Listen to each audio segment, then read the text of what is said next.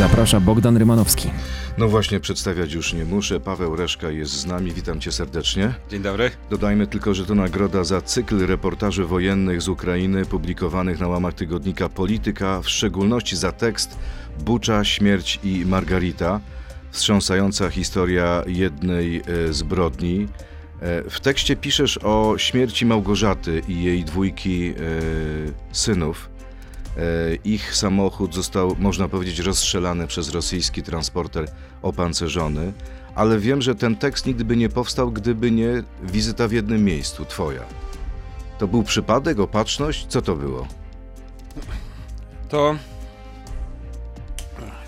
Wiesz, ja nie wiem, może to po, trzeba powiedzieć, że to jest takie nasilenie, wiesz, yy, tego zła, które tam jest, że tak naprawdę gdzie się nie zatrzymasz, to, to coś takiego można znaleźć. A historia była taka, że ja pojechałem yy, yy, pierwszy raz na tę wojnę trochę na wariata i jechałem do Buczy jakimś w ogóle okazją, takim e, zorganizowanym minibusem z wolontariuszami i myśmy z- najechali na odłamek i złapaliśmy gumę i trzeba było, e, trzeba było to koło naprawiać. W Buczy był tylko jeden zakład wulkanizatorski, jak e, oni nam otwarty, bo wszystko było rozwalone. Zresztą no, w, za, w takim otoczeniu zakład obok był s- sklep totalnie zraba, zrabowany przez Rosjan, stała tylko jedna lodówka, która im się chyba nie mieściła już. Ale to też mówiło, jak bardzo zorganizowany to był rabunek, nie? No bo możesz ukraść telefon komórkowy, ale nie możesz ukraść całego sklepu e, za GD. A tak tam właśnie było i facet mi pokazał wstrząsającego SMS-a od wychowawczyni swoich dzieci, że w naszej klasie zdarzyła się tragedia, rodzina Cikmarowów została rozstrzelana przez rosyjski czołg, tak wtedy to było sprzedane. Oni jechali białym Fordem. Tak, byłem Fordem C-Max, takim malutkim samochodzikiem, uciekali stamtąd. To była rodzina zresztą notabene, która uciek, drugi raz uciekała w życiu, bo oni uciekli już z Donbasu. I kupili sobie domek, nie chcieli w Kijowie. Chcieli e, w Buczy, bo to takie, taki Konstancin, Milanówek. Józefów. O, coś takiego. E, blisko Czyli centrum. sypialnia, sypialnia metropolii. Tak, ale to takie miasteczko, które robiło się już takie bardzo ładne, nie? Że ta e, klasa średnia, ktoś, kto zasuwał na 2-3 etaty, mówił, to sobie teraz kupię taki domek szeregowco. Nie kupili sobie taki, taki domek e, i chcieli tam rozpocząć nowe życie. Rozpoczęli to nowe życie. Dosyć szczęśliwe. Jak rozmawiałem z, e, z, e, z babcią tych dzieci rozstrzelanych, z teściową e, Margarity Małgorzaty i z mamą e, e, e, pana Cikmarowa, to ona mówiła, że, że, że tam było bardzo dużo miłości. Że ja nie dawałam tyle miłości swoim dzieciom, co Małgorzata mm, moim wnukom. Czyli nie? piękna, wspaniała żona, piękna, wspaniała matka, Fajna taka rodzina. synów. No, jak z obrazka można powiedzieć. I I oni mówią, kurczę, uciekamy, bo jest niebezpiecznie. Wsiądziemy do białego, małego samochodu, napiszemy wszędzie dzieci, to przecież wyjedziemy z tego miasta, tak? Teściowie, rodzice zostali pilnować domu, a wy jedźcie, wy jesteście I młodzi. co się dzieje? Wyjeżdżają i co? Wyjeżdżają, ujechali, odtworzyłem całą drogę tego samochodu, nie? Eee, przejechałem tą drogą kilka razy, ujechałem, nie wiem, z 500 metrów, już wyjechali, wiesz, e, przecięli główną drogę, czyli jakby już niebezpieczeństwo minęło. Czyli prawie u mety byli już. No wiesz, prawie u wyjazdu z, i nagle naprzeciwko e, jedzie rosyjski transporter o- opancerzony. E, oni uciekali z, samochodami, z, sąsiadami, dwoma samochodami. Ten drugi był trochę, trochę, trochę większy, ale oba białe, takie, no takie drobnomieszczańskie samochody, nic specjalnego. I oni zjechali, wiesz, do takiej zatoczki, żeby przepuścić ten transporter. Transporter się zatrzymał i otworzył do nich ogień. Eee, z działka 30 mm e, to było totalnie, te samochody wybuchły, zaczęły się palić. Cikmariow oderwało mu nogę i on się wyczołgał z tego samochodu i patrzył, jak jego dzieci, jak jego żona e, w tym samochodzie się palą. Trudno mi powiedzieć, e, czy oni żyli wtedy, kiedy, e, kiedy ten samochód się e, płonął, czy nie. On twierdzi, że nie, e, ale to trudno powiedzieć, no bo to był moment, on po prostu wypełzł z tego, a samochód zaraz stanął w płomieniach. Ja z nim rozmawiałem, to była trudna rozmowa, ale to też, wiesz, to jest takie dziennikarstwo, y, że musisz zadać nawet pytania czasami takie głupie, tak? Facet, który ci opowiada o tym, że stracił e, całą rodzinę, musisz go zapytać, a jaki był numer, jaki był kolor samochodu i jaki był numer rejestracyjny tego samochodu, tak? A on chętnie opowiadał? Mówił, był jakiś, była jakaś bariera między wami na początku? Wiesz, e, on chciał to opowiedzieć, tak mi się wydaje. Był, ja go znalazłem w szpitalu w Kijowie e, i chciał o tym, e, chciał to jakby z siebie wyrzucić. Dlaczego? On miał taką świadomość, że to trzeba zdokumentować, tak, żeby oni nie, nie zginęli na darmo. A chociaż No wiesz, no to, to, jest, to była jednak kosmicznie trudna rozmowa. Zresztą dwie rozmowy przeprowadziliśmy, bo ja e, dowiadując się od niego wszystkich szczegółów, e, pojechałem e, jeszcze raz do Buczy i znalazłem ten samochód na takim wrakowisku.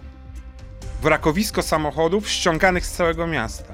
Każdy samochód, tych samochodów było nie wiem, 100 ileś tam. To komple- no, cały plac zawalony tymi Czyli wrakami. ile samochodów, tyle dramatów. Tak. I każdy, wiesz, zaglądałeś do samochodów, patrzysz, kurde, hulajnoga, nie?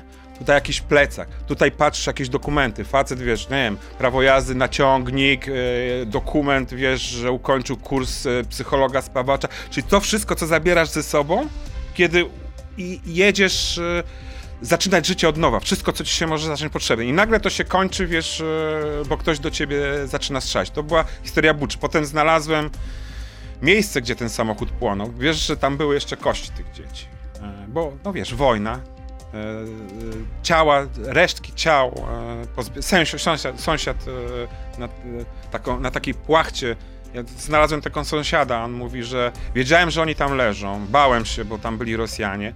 Wziąłem kapę z domu pomarańczową, zawinąłem e, moją sąsiadkę i te dwoje dzieci, te szcząteczki i zacząłem to ciągnąć, ale to było ciężkie. Do, szedłem do przedszkola i pożyczyłem stamtąd wózek. Znaczy wziął wózek taki dwukołowy, zawiózł ich i pochował ich niedaleko domu w cerkwi, przy cerkwi, gdzie była masowa mogiła, ale jakby oddzielnie. I słuchaj, ja- jakby o, ostatnia część tej historii, e, e, nagle patrzę, że na, przy tej masowej mogile jest e, mnóstwo e, mnóstwo dziennikarzy, że przyjeżdża jakaś oficjalna delegacja, przyjeżdża koparka, która jeden z tych grobów rozkopuje.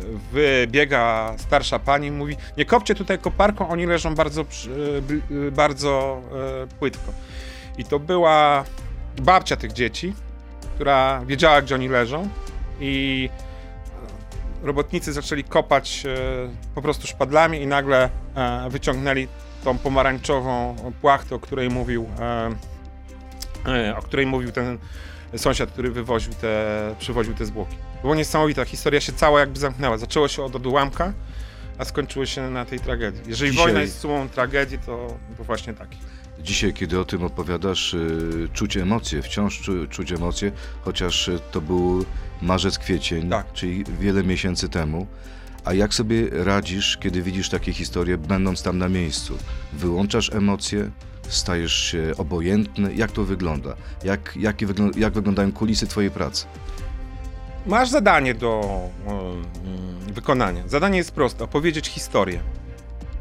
W opowiadaniu tych historii emocje nie, nie pomagają. Czyli skupiasz się na historii. Tak, i staram się ją opowiedzieć e, bardzo estetycznie, żeby raczej opowiedzieć historię. Myślę, że moje emocje nikogo nie interesują, wszystkich interesuje historia. Jeżeli historia jest e, mocna i dobrze opowiedziana, to te emocje u czytelnika, czytelniczek e, pojawiają się same, nie? To są też emocje bohaterów. Co robisz, żeby oni się przed tobą otworzyli? Ja wyznaczam sobie taką granicę, że nie chciałbym, e, żeby to sprawiało komuś cierpienie.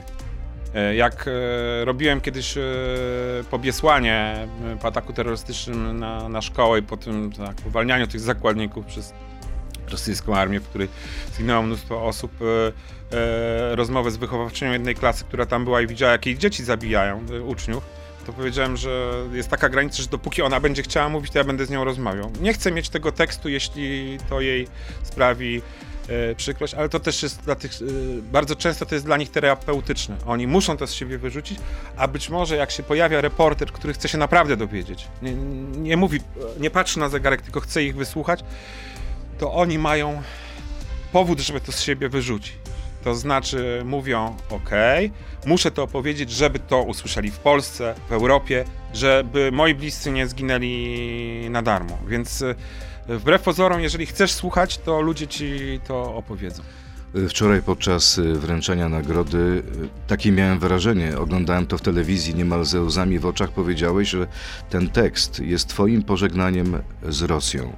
Je, tak. Jesteś tego pewien? Co, no, niczego człowiek nie jest e, w życiu pewien, ale tak jakby no, to też miało drugi aspekt dla mnie, tak? Oprócz e, opowiedzenia tej historii, to e, był tam też taki niuans zawarty, bo ten tekst, który pisałem zresztą w pociągu, notabene z Kijowa do Lwowa, nie wiedząc, czy ten pociąg w ogóle dokądkolwiek dojedzie. Jechał jakąś taką okrężną, okrężną drogą. Yy, on miał inny tytuł. Ja go tylko zdążyłem, zdążyłem wysłać i już więcej nie miałem kontaktu z tym e, tekstem, bo mi łączność e, przepadła. E, on miał tytuł Śmierć i Margarita, czyli po polsku by było Śmierć i Małgorzata. Margarita to, to Małgorzata. Redakcja dopisała Bucza, bo wtedy Bucza była jakby znana, ale mój tytuł to była Śmierć i Margarita, Śmierć i Małgorzata. I to było moje jakieś symboliczne pożegnanie z Rosją, bo ja mieszkałem w Rosji długo i byłem zafascynowany Rosją. Moskwę uważałem za moje miasto, a przewodnikiem po tym mieście był mistrz Małgorzata. Ja znałem doskonale te wszystkie miejsca, e, miałem przyjaciół, no te wszystkie... E, te, te, wszystkie miejsca, które tam są, to były moje miejsca, ulubione. Czasami e, rozmawiałem z, z, ludźmi, którzy się znali realnie na twórczości Buchakowa, byli zdziwieni, że, że jakaś tam oficyna gdzieś tam jest i można tam się dostać. Ok? I pomyślałem, że Rosja w jakimś sensie dla mnie umarła. I dlatego zamieniłem słowo w tytule słowo mistrz na słowo śmierć. No i to było takie symboliczne e, pożegnanie. To był też taki wymiar tekstu, e, taki osobisty wymiar tego, tego tekstu, który napisałem z Buczy. Paweł Reszka, laureat tegorocznej nagrody Radia Z imienia Andrzeja Wojciechowskiego. Przechodzimy teraz do internetu na radioz.pl, Facebooka, YouTube'a. Państwa zapraszam. Tam porozmawiamy z laureatem o, o tym, o tym tak naprawdę, jaka jest dzisiaj Rosja. Zapraszam. To jest gość Radia Z. No właśnie, przez wiele lat pracowałeś w Moskwie i Rosji jako dziennikarz. Y, znasz klucz do duszy rosyjskiej? Jaka ona jest? Nie. I powiem ci, że czasem e, to takie dewastujące uczucie jest, bo e, wyobrażałeś sobie to wszystko inaczej i oczekiwałeś e, czegoś innego. To znaczy, co do państwa rosyjskiego, to ja nie miałem jakichś szczególnych e, złudzeń co do armii rosyjskiej. Ale do Rosjan, tak. do ludzi, do narodu, który wydał takiego człowieka jak Dostojewski, Buchakow. Słuchaj, spodziewałem się czegoś innego po 24 e, lutego, tak? Spodziewałem się czegoś innego, nie tylko, nawet w różnych wymiarach. W wymiarze takim ogólnospołecznym, ale też w wymiarze takim e, punktowym, tak?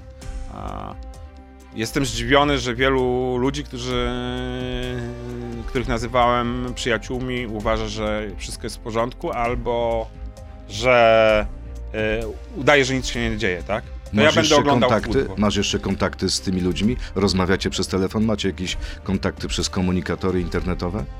Bardzo sporadyczne z niewielką liczbą ludzi. Czasami nie podejmuję tych kontaktów. E, Bo się boisz? Tak. E, boję się Wiesz czego się boję? Kiedyś miałem spotkanie z, e, ze świętej pamięci Sergiejem Kowaliowem, który był no, absolutnie taką ikoniczną postacią. On mnie, jakieś spotkania zawsze mi zapadały w pamięć i jakby to, wiesz, 20 minut rozmowy z Kowaliowem to było coś, co ci ustawiało na, na dłuższy czas. On był już mocno schorowany. Przyjechali do Warszawy i ktoś mi zaproponował wywiad, więc ja mówię oczywiście tak. Czekałem na to, e, to było po 2014 roku. Czekałem e, w, w recepcji hotelowej, aż e, wyjdzie ekipa telewizyjna od niego i rozmawiałem z małżonką pana Kowaliowa, przeuroczą panią i zapytałem, jakim się żyje. A ona mówi, wie pan, boimy się dzwonić do swoich znajomych, bo e, często jak do nich dzwonimy, to słyszymy, że Krym jest nasz. I wtedy musimy zrywać z nimi kontakty, a tych kontaktów mamy już naprawdę bardzo niewiele. I pomyślałem sobie, że czasami moja bierność w kontaktach z moimi e, rosyjskimi e, znajomymi wynika z tego, że nie chciałbym e, usłyszeć, że e, Bucza to jest wymysł e, zachodniej propagandy, bo byłoby mi bardzo przykro i wtedy musiałbym zerwać te kontakty, więc no tak to jest. A jak to jest, że naród, który wydał y, no, takiego znawcę ludzkiej psychiki, ludzkiej duszy jak Fiodor Dostojewski, jednocześnie tak nie szanuje pojedynczego człowieka? No bo mówię tutaj o żołnierzach rosyjskich, którzy są traktowani przez swoich dowódców jak mięso armatnie. Jak to wytłumaczyć? Jak dokopać się do tej głębi wewnątrz każdego Rosjanina? Z czego to wynika? To jest kwestia rosyjskiego DNA? Nie wiem, zawsze byłem przeciwny tak, takiemu stawianiu sprawy, że wiesz, że niektóre narody, tak, że Chińczycy nie są zdolni do demokracji, bo są inni, że Rosjanie e, w zasadzie to lubią silną rękę i dyktaturę. Trudno mi powiedzieć. Zawsze starałem się to tłumaczyć e, jakimś e, takim wzorem ogólnoludzkim, że siedzi w nas jakiś demon, tak? Bo jak wytłumaczysz, wiesz, e, zadam ci pytanie, jak wytłumaczysz, e, że e, w połowie zeszłego wieku tak się zachowywał, wiesz, naród, który wydał Goethego, tak? E, jeden z najbardziej takich, wiesz, kulturalnych, cenionych, wiesz, Czyli narodów. zło może dopaść każdego. Słuchaj, ja nie wiem. Mm, Myślę, że tak. Ja tłumaczyłem sobie, teraz nie wiem. Pytasz mnie i to rzeczywiście, wiesz, zadajesz mi doskonałe pytania, na które ja nie mam odpowiedzi i ich szukam, wiesz? I nawet nie wiem, jakie, jakie znaleźć, tak? E, Chciałbym może kiedyś pojechać do Rosji, ale teraz bym się brzydził, wiesz? Realnie bym się brzydził. Jak ktoś mnie kiedyś zapytał, z czym mi się kojarzy Rosja, to kojarzy mi się z e, czarnymi workami, w których są ciała cywili, tak? Których było pełno i w Buczy, i w Irpiniu, i potem. Szczególnie wiesz, potem to już był front, tak? Jak opisywałeś wojnę, no to opisywałeś wojnę. To tak? było łatwiejsze niż patrzenie na te worki? No. Mimo tego, że to było o wiele bardziej niebezpieczne, bo przecież można dostać w każdym momencie takim odłamkiem. Tak, no to ta, ta wojna taka była rzeczywiście, to jest taka wojna na dystans, nie? Że, że tam dużo latało tych pocisków artyleryjskich. I czasami to jest aż takie, powiem ci, to jest niesamowite, bo niektóre miasta e, zostały zniszczone niemal do cna, jak e, wiesz, jak Siewierodoniec czy, czy. I niektóre obrazy stamtąd zostaną ze mną na zawsze. Ja miałem taką historię, że pani poprosiła mnie, żebym ją zabrał na cmentarz w Lisiczańsku. E, bo pochowano tam jej matkę, która zginęła podczas ostrzału, ale ona nie mogła być na pogrzebie, ponieważ cmentarz był pod ostrzałem i to było zabronione. No ale ona zobaczyła taką dobrą duszę i mówi, to może byś mnie tam zawiózł. A ja mówię, no to nie zawiozę, wiesz. Jasne, że zawiozę. Może jechałem do grabarzy, grabarze się popukali w głowę, pojechałem do kogoś tam, wszyscy mówią, nie, tam się nie jeździ, na ten cmentarz się nie jeździ. Pojechałem z, e, z nią i byłem na cmentarzu, e, zbombardowany cmentarz, ostrzeliwany cmentarz ciężkiej artylerii, to jest coś niesamowitego, bo to jest tak jakby ci ludzie ginęli drugi raz. Tam, wiesz, masz wyrzucone na powierzchnię ciała, na powierzchnię trumny i przechadzasz się z panią, która szuka grobu swojej matki i jest zdesperowana, żeby go znaleźć, a to wszystko, wiesz, gwizdże, świszcze i gdzieś tam, wiesz, lata w powietrzu, a ty nie możesz jej powiedzieć, to e, wracamy do domu, bo widzisz, jak e, szalenie to jest dla niej ważne. Natomiast e, mm, chyba większy szok był e, w, e, na początku wojny, kiedy Ukraińcom udało się odbić ten Irpin i Bucze i te miasta e, pod, e, pod Kijowem e, z tego względu, że tu widziałeś taką, wiesz, bezradność, takie, że, że, że cywile, że to było coś okropnego. Jak sobie radzisz, kiedy wracasz do domu, kiedy śpisz we własnym łóżku? Czy te obrazy wracają w nocy e, w postaci koszmarów? Czy jakoś resetujesz się z tym wszystkim? Wiesz, to... Ja staram się nie, nie zabierać y, pracy do domu, tak? To nie jest tak, że żyję życiem swoich bohaterów, tak? Staram się wykonywać pracę jak najlepiej, ale też e, staram się, że wiedzieć, żeby to jakby to była praca. Oczywiście Bo pewnie... się- inaczej byś zwariował. bo inaczej bym zwariował. Jakbym e, żył życiem bohaterów, to bym e, kompletnie oszalał. To jest jakby jasne. Natomiast wiesz, e, pewne, że to zostaje. Tak mi się wydaje. Ja tego nie czuję, ale na przykład e, moja żona mówi. E, wiesz, e, czasami nie wiesz, co, co, ty, co ty krzyczysz w nocy, nie? Więc e, w zasadzie ja tego nie czuję, ale podejrzewam, że, że wiesz, że to się odkłada, tak? Zresztą czasami wiesz, nagle ci się włącza jakiś film i, i, i wiesz, coś, co, co w zasadzie czegoś nie powinieneś pamiętać, bo to było wiele lat temu, nagle ci się przypomina. Więc to, to rzeczywiście, no to, to, to nie są proste historie, to nie są, wiesz, proste e, obrazy, nie? Więc e, to, to rzeczywiście jest mocne. Nawet jak mówisz, okej, to jest praca, no to pewno, że może wrócić czasem. A co ci żona mówi, kiedy mówisz, słuchaj, jadę? To Nic nie mówi. Nic nie mówi, ale to rzeczywiście współczuję, bo e, to. mm, Ona chyba e, tak naprawdę przeżywa to wszystko o wiele bardziej niż ty, który jedziesz na, na front i tak naprawdę jesteś w pracy. Masz adrenalinę, masz emocje, zajmujesz się czymś, a ona zostaje w domu, czeka, myśli, no i się boi cały czas o ciebie. To jest moim zdaniem koszmar, nie? To jest, masz rację, że to jest dużo większe wyzwanie. Żona Wojtka Jagielskiego napisała o tym, o tym wstrząsającą książkę. To jest y, dużo bardziej wyczerpujące psychicznie, jestem przekonany, bo tam życie jest w pewnym sensie proste. E, musisz wykonać ileś tam czynności, żeby to się udało. To znaczy, tam nie ma za dużo czasu, tak? Musisz bardzo wcześnie rano wstać, skoro świt, e, żeby mieć dłuższy dzień, tak? Musisz myśleć o paliwie, musisz myśleć, gdzie będziesz spał, musisz myśleć, e, skąd weźmiesz wodę, musisz myśleć, skąd weźmiesz żarcie, musisz załadować aparat, telefon, magnetofon, czyli mieć dostęp do, do energii. Musisz wykonać ileś tam telefonów, zaplanować, co będziesz robił, a jak tu się nie uda, jak tu się odbijesz, wiesz, od ściany, tak naprawdę nie masz czasu myśleć myśleć o tym, co ci się, wiesz, może stać. No i potem jest, e, wiesz, popołudnie, wieczór, musisz siąść do pisania tekstu, oczywiście znaleźć jakieś, jakieś e, schronienie, więc czas masz totalnie, wiesz, wypełniony do wieczora, potem padasz, wiesz, na noc jak ta norka, a, a oni tutaj w Polsce myślą, czy ty żyjesz, czy, czy nie żyjesz, nie dzwonią do ciebie, bo, bo, bo się boją, więc jak, jak nie zadzwonisz, bo ci się rozładował telefon albo, albo nie, ma, nie ma łączności, to tutaj oni przeżywają dramaty, więc to jest. Yy, yy, myślę, że to dotyczy bardzo wielu rodzin, yy, ludzi, którzy, którzy tam jeżdżą. Nie? Bo sporo dziennikarzy tam jeździ. To jest bliska wojna, więc ja myślę, że to mamy też tutaj takie sporo takich. Ciekawe właśnie. określenie, bliska wojna. Tak się zastanawiam, czy na tej wojnie po raz kolejny sprawdza się to już wyświechtane powiedzonko, że pierwszą ofiarą wojny jest prawda. Tak zastanawiam się nad ostatnią tą historię, e, historią, którą żyliśmy kilkadziesiąt godzin temu, czyli tym, co stało się na granicy polsko-ukraińskiej. E, Biden i Duda mówią, że to ukraińska rakieta, która miała zniszczyć nadlatujący rosyjski pocisk. Zełański upiera się, że jednak to nie jest ukraińska rakieta. No i komu tu wierzyć? Ja ci powiem, Rishi Sunak dobrze powiedział, e, premier Wielkiej Brytanii, że e, czy aby to nie była rakieta, to nigdy by nie spadła, gdyby Rosja nie zaatakowała Ukrainy. Ja rozumiem, e, wiesz, sumę wszystkich strachów, wiesz, e, Ukraińców. Rozumiem też mm, z agresją walczysz e, wszystkimi możliwymi sposobami, dlatego wiesz, jak oni używają, mają taki m, większe stacji telewizyjnych, nadaje ten sam program. Jest mnóstwo propagandy.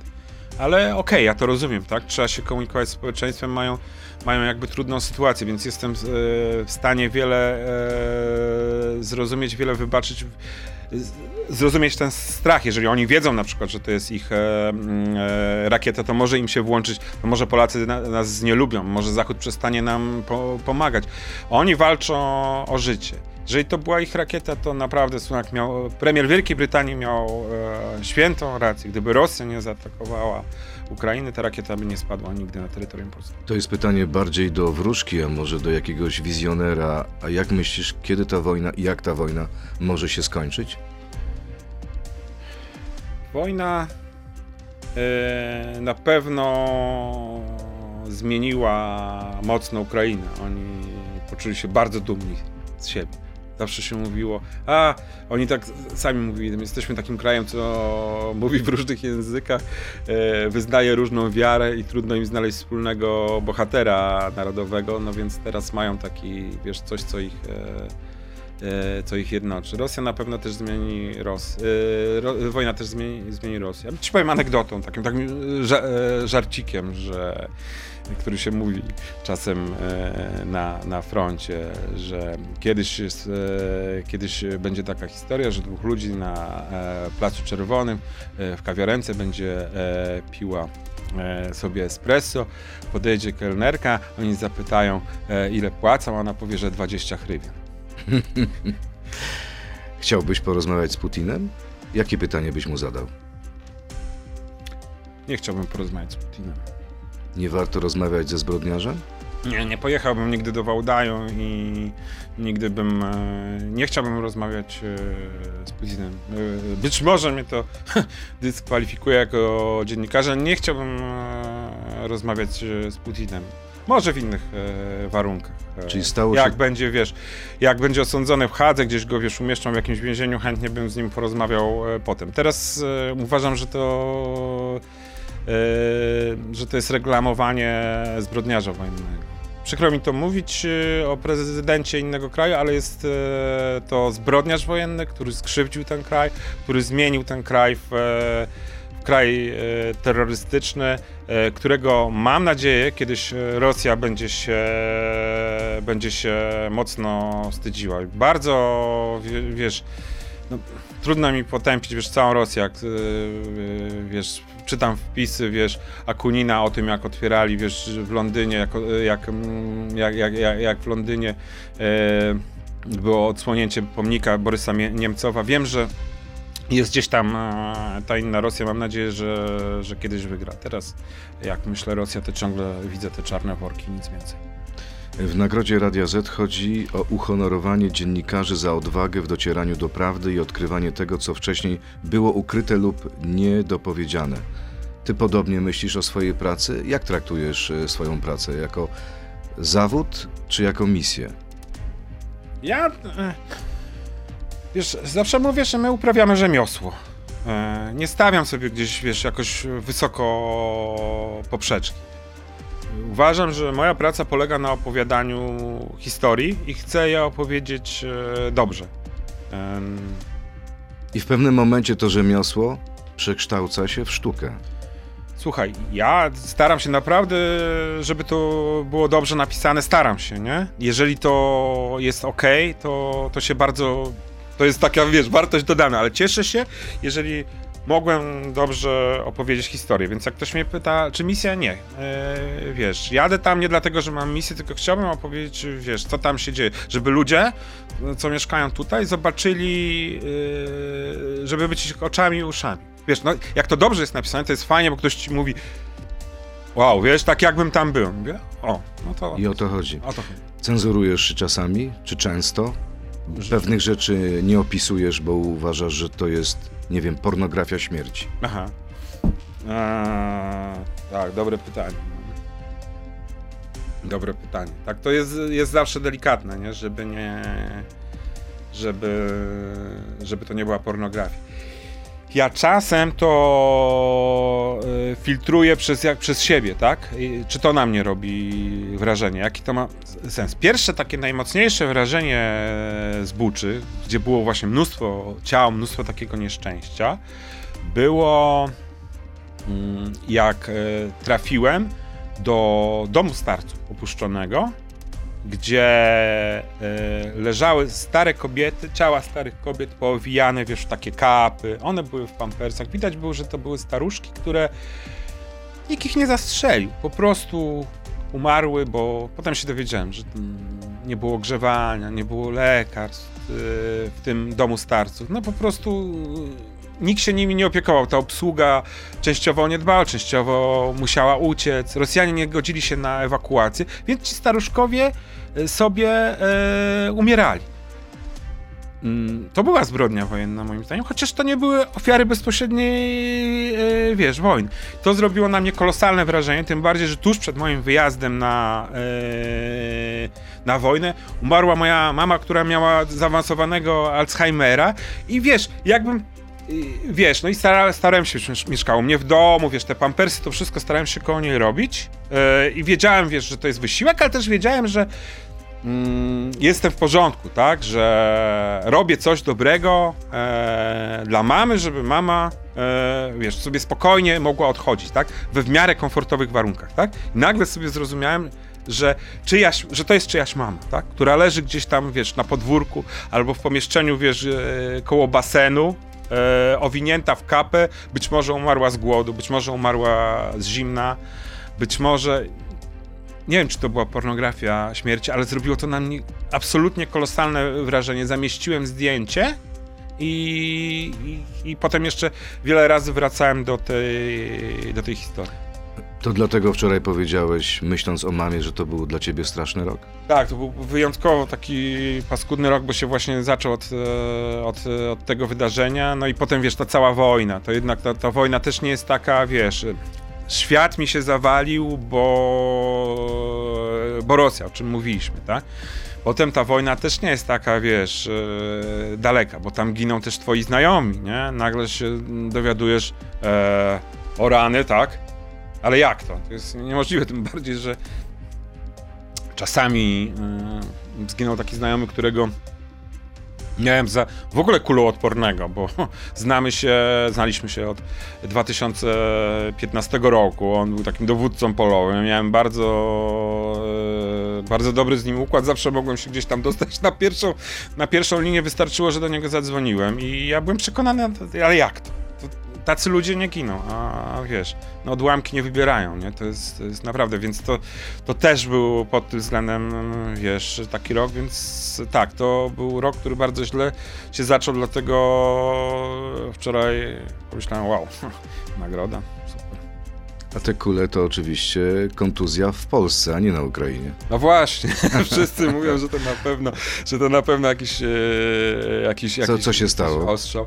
E, to jest kontuzja łąkotki. Ja kiedyś miałem operowane kolano po kontuzji e, sportowej, no i to się, to się, wiesz, odezwało. Oczywiście w najmniej oczekiwanym momencie, bo już szykowałem, widziałem, że tam wojska ukraińskie mm, zbliżają się do Iziumu. Izium jest takim ciekawym miastem, które ja znam. Mówię, o, to chcę być w tym Iziumie. No i pyk, e, podczas jakichś takich czynności, wiesz, typowo życiowe, jakieś rąbanie drewna do kominka, czy coś takiego, Trzask. trzask i, i dziękuję, jestem wyłączony z życia na parę miesięcy, ale już dochodzę do siebie. E, Wiesz już na co wydasz 50 tysięcy?